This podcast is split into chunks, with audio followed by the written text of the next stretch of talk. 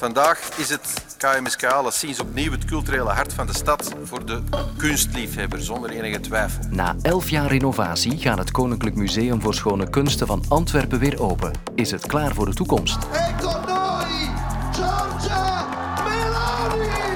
Een uiterst rechtse partij met wortels in het fascisme wordt wellicht de grootste partij van Italië.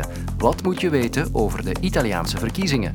En nooit eerder was er in ons land een groter tekort aan cipiers. Waarom zijn er cipiers te weinig? Ik ben Lode Roels en op die vragen zoek ik antwoorden in dit kwartier. Welkom. Heel graag wil ik jullie ook uitnodigen om op 24 september om 10.30 uur het grote lint op het Museumplein te komen knippen in aanwezigheid van al diegenen die heel hard voor dit museum gewerkt hebben en vooral van al diegenen die dit museum veel te lang gemist hebben. Elf jaar lang is het dicht geweest voor renovatie. Maar nu zaterdag opent het culturele kroonjuweel van Vlaanderen, het Koninklijk Museum voor Schone Kunsten in Antwerpen, eindelijk opnieuw de deuren. Toen het in 1890 voor het eerst openging, was er zeven jaar gebouwd aan het imposante gebouw. En dat is korter dan de renovatie nu. 100 miljoen euro heeft de verbouwing gekost. Vijf opeenvolgende ministers van Cultuur zijn er gepasseerd. Het museum is nu 40% groter en wie er volledig doorwandelt is 2,4 kilometer onderweg. Collega Mathieu Lombois mocht er al eens gaan kijken. Stel het je voor.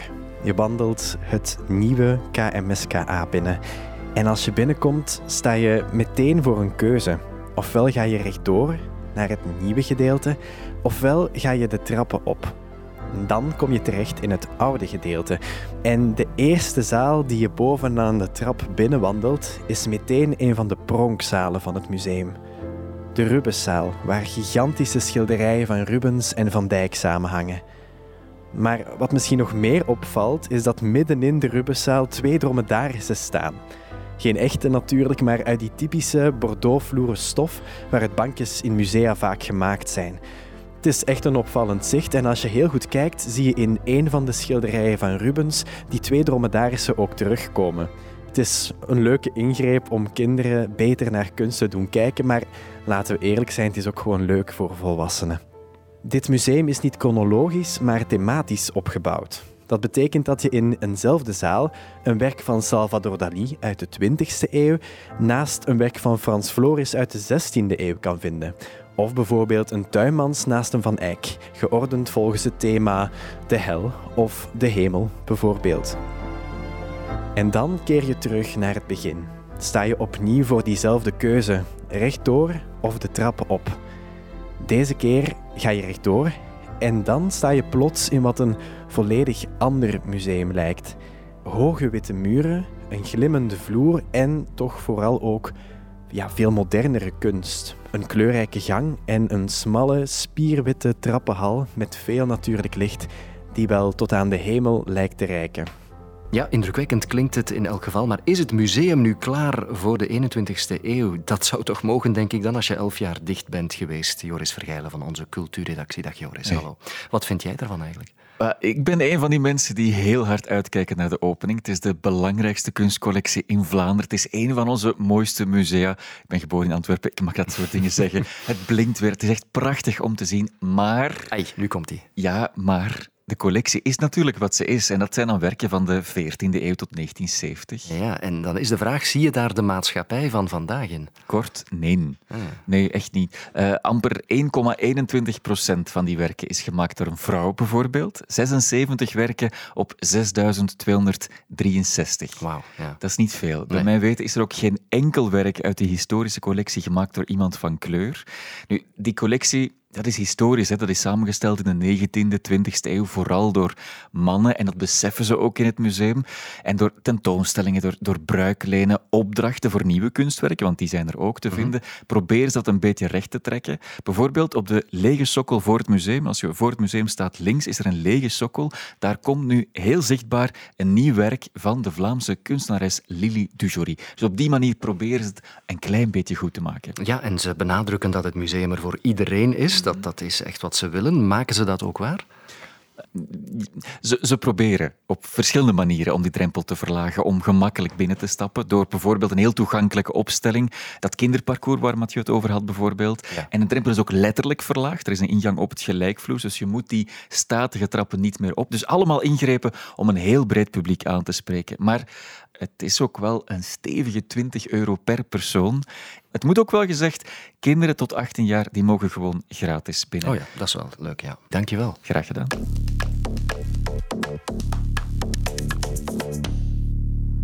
Io sono Giorgia, sono una donna, sono una madre, sono italiana, sono cristiana. De Italianen trekken zondag vervroegd naar de stembus. Volgens de peilingen zal een rechtse alliantie van drie partijen winnen. De uiterst rechtse partij Fratelli d'Italia van Giorgia Meloni, die hoorde je ook net in het fragment, die wordt wellicht de grootste. Meloni kan zo misschien wel de eerste vrouwelijke premier van Italië worden, maar haar partij heeft roots in het fascisme en is niet onomstreden. Moi, je crois que, que Mussolini, c'était un, un bon politicien. I have been reading that the win of Fratelli d'Italia in the September elections would mean a disaster leading to an authoritarian turn. Wat moet je weten over die Italiaanse verkiezingen om goed geïnformeerd aan het weekend te beginnen? Ik ben bij correspondente Helene Daans gaan aankloppen met vier concrete vragen. Uno. Waarom zijn er nu verkiezingen in Italië? We hadden eigenlijk verkiezingen moeten hebben in 2023, dus volgend jaar.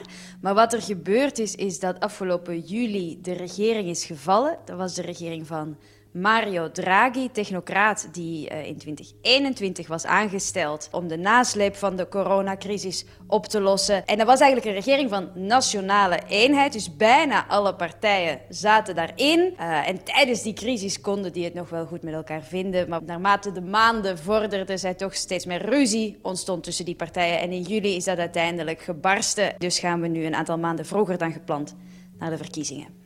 Wie zijn de kanshebbers? Uit de peilingen blijkt dat de allergrootste kanshebber, het is, uh, het is eigenlijk bijna zeker, dat de rechtse partijen gaan winnen.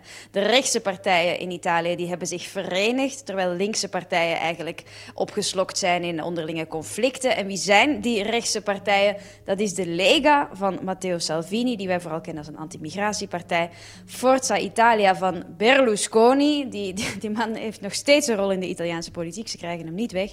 En als derde partij Fratelli d'Italia. En vooral die laatste partij is heel populair. Wat er eigenlijk op dit moment zo heel populair maakt, is het feit dat de partij van uh, Fratelli d'Italia, van Giorgia Meloni, die waarschijnlijk premier zou worden, uh, haar partij is als enige tijdens die coalitie van Mario Draghi, heeft haar partij als enige ervoor gekozen om in de oppositie te zitten. En Italianen hebben altijd een beetje de neiging om een afkeer te hebben van de politiek, om iets nieuws te willen ook.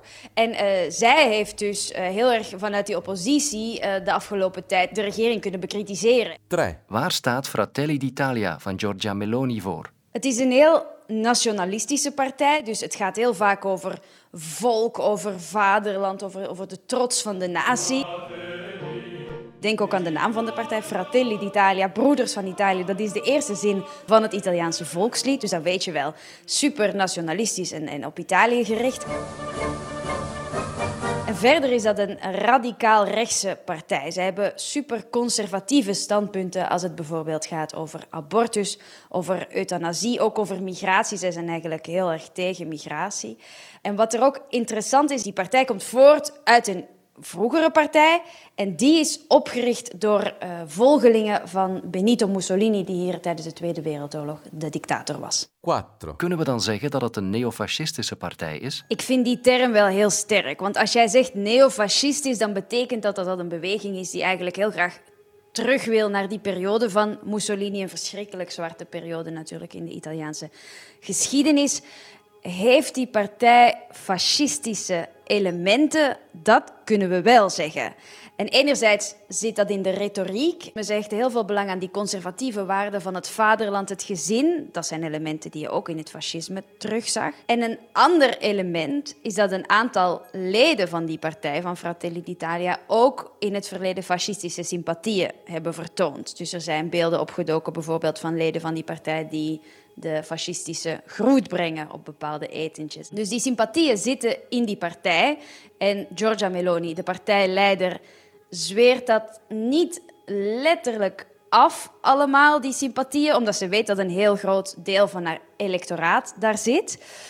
Maar tegelijkertijd kun je ook zeggen, het is een democratische partij. En dat is een heel groot verschil met het fascisme. Dit is een democratische partij die op een democratische manier probeert verkozen te worden. Met wortels in het fascisme, maar daarom noemen zij zichzelf op dit moment postfascistisch in plaats van neofascistisch. We are ready to launch a new season of stability, freedom and prosperity, whether the left likes it or not.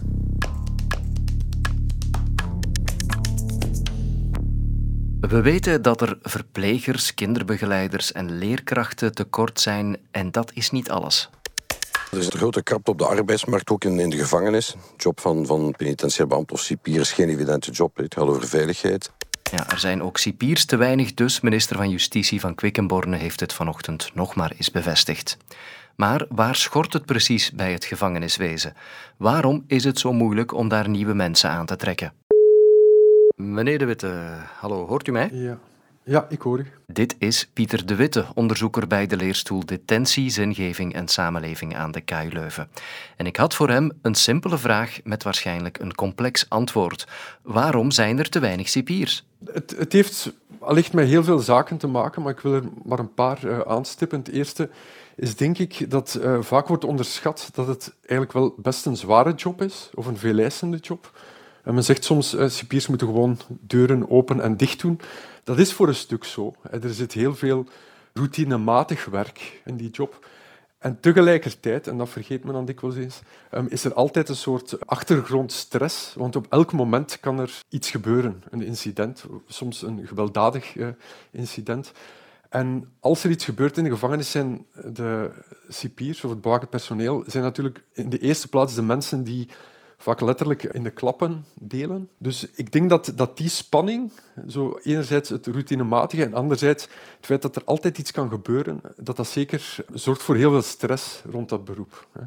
En een tweede zaak is natuurlijk dat het personeelstekort zelf zorgt eigenlijk ervoor dat de, dat de werkomstandigheden moeilijker worden. Er is eigenlijk heel weinig gegarandeerd verlof voor mensen van bewakend personeel. Dus het personeelstekort zelf begint eigenlijk te wegen op heel veel mensen. Krijg je een correct loon als cipier? Wel, men zegt wel eens dat de lonen op zich wel competitief zijn, zeker in vergelijking met jobs met vergelijkbare um, opleidingsvereisten. Maar ik vraag mij af um, of dat eigenlijk wel het cruciale punt is. Waar zit de knoop dan? Waar zit het wel?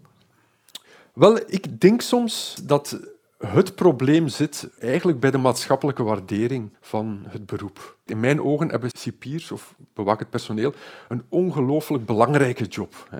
Zij, zij zijn er dag en nacht en hun houding of hun professionaliteit heeft een enorme weerslag op de gedetineerden. De gedetineerden kunnen het enorm appreciëren als ze menselijk en correct worden behandeld. Dus dat is ongelooflijk belangrijk, ook voor bijvoorbeeld zeg maar, de rehabilitatie van mensen enzovoort. Tegelijkertijd wordt dat beroep eigenlijk in mijn ogen een beetje ondergewaardeerd in de samenleving. En je hebt dat heel goed gezien tijdens de coronacrisis. We hebben dan heel luid geapplaudisseerd voor de mensen in de zorg terecht, hè, omdat die mensen die moesten gaan werken. We konden die afdelingen intensieve zorgen niet sluiten. Maar eigenlijk in de gevangenis is precies hetzelfde gebeurd. Hè. Hmm. We kunnen ook geen vleugels van gevangenissen sluiten. En voor hen ja, is er minder geapplaudisseerd. Hè. En dat is misschien ergens tekenend of symbolisch voor de onderwaardering voor dat beroep, dat eigenlijk moeilijk is, belangrijk, maar hmm. ja, waarvan men toch niet altijd ja, maatschappelijke waarde erkent. Dus ik, denk dat dat, dat, dat eigenlijk een heel, een heel belangrijke is. Maar hoe is dat voor de cipiers zelf? Want het zijn uiteindelijk wel zij die het dag in dag uit moeten doen. Ik heb de vraag gesteld aan Stijn van den Abelen, cipier in Vorst. Hij vertelt over de goede en de minder goede kanten van de job.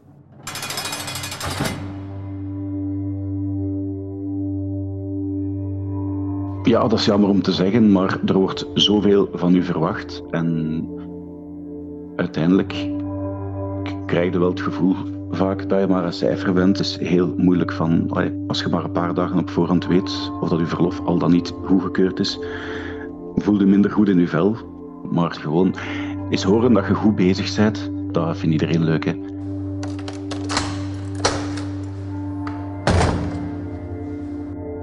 Beklaagden en veroordeelden, wat dan allemaal nog een apart regime is. De beklaagde is het voorarrest. Daar is meestal nog iets meer stress, meer onzekerheid. En dan moet je echt ja, een beetje sociaal werk doen. Ze altijd rustig houden en ze geruststellen. Heel veel info geven, omdat ze het allemaal nog niet weten hoe alles gaat. Je moet ja, alles leren hoe dat reilt en zeilt in de gevangenis. Je werkt met mensen. Je bent de hele dag bezig. Het is, het is afwisselend. En uh, ja, noem mij naïef, maar ik hoop toch altijd dat de mensen beter uit de gevangenis komen, dat ze erin uh, geraakt zijn. Dus dan werkt het mee aan een uh, betere samenleving. Zo, de werkweek zit erop. Voor een nieuwe aflevering van Het Kwartier is het wachten tot maandag. Tot dan. Luister ook naar Clubnet, je wekelijkse shot internetnieuws in podcastvorm. Nu in de app van VRT Max.